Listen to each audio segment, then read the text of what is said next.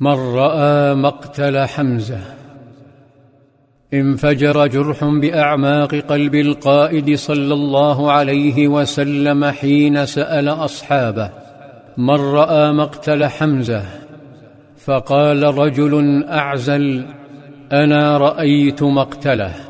قال صلى الله عليه وسلم فانطلق أرناه. انطلق الرجل يمشي.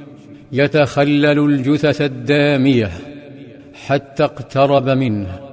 فإذا الجسد لا يشبه جسد حمزة قد قطع أنفه وأذناه وشق بطنه وشوه. فتكدر الرجل واستدار مباشرة نحو نبيه صلى الله عليه وسلم خشية أن يراه. فقال وصوته يقطر حزنا يا رسول الله. مثل به والله. فكره صلى الله عليه وسلم أن ينظر إليه لكنه قال كلمة مبكية. لولا أن تجد صفية في نفسها تركته حتى تأكله العافية فيحشر من بطونها. لكنه صلى الله عليه وسلم خشي على مشاعر عمته أن ترى ما فعل بأخيها. لكن صفية علمت وهي بين النساء تسعف وتداوي. فتركت ما معها ومن معها. وأخذت معها ثوبين وأقبلت بهما تركض ملهوفة تبحث عن شقيقها.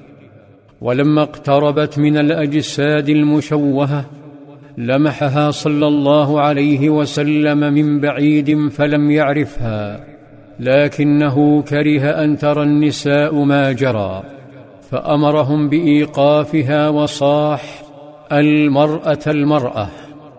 كان ابنها الزبير بن العوام إلى جانب قائده فعرفها فتوجه يركض نحوها ليوقفها واستمرت تركض حتى اعترضها برفق.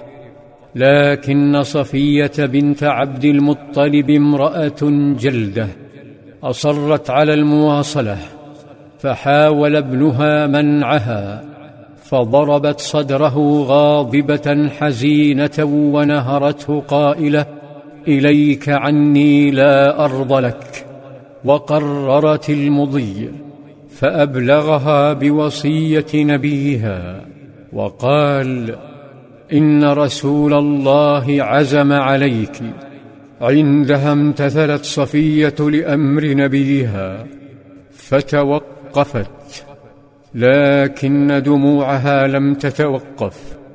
أخرجت قطعتي القماش ومدتهما لابنها الزبير وقالت وقد انفطر قلبها هذان ثوبان جئت بهما لأخي حمزة فقد بلغني مقتله فكفنوه فيهما ثم انطوت على جمر الفراق وعادت وعاد الزبير بالثوبين. وعند وصوله لأصحابه التفتوا فرأوا شهيدا أنصاريا قريبا منه قد شوهه الوثنيون أيضا. هنا تقاسم المهاجرون والأنصار الأكفان كما تقاسموا الأحزان. فقال الزبير وجدنا غضاضة وحياء أن نكفن حمزة في ثوبين والأنصاري لا كفن له. فقلنا لحمزة ثوب وللأنصاري ثوب. فقدرناهما فكان أحدهما أكبر من الآخر. فلم يكن لعم قائد الدولة وسيد الشهداء أن يحظى بكفن أفضل من أخيه الأنصاري. تأبى أخلاق الإسلام ذلك. لذا أجرى الصحابة القرعة بينهما.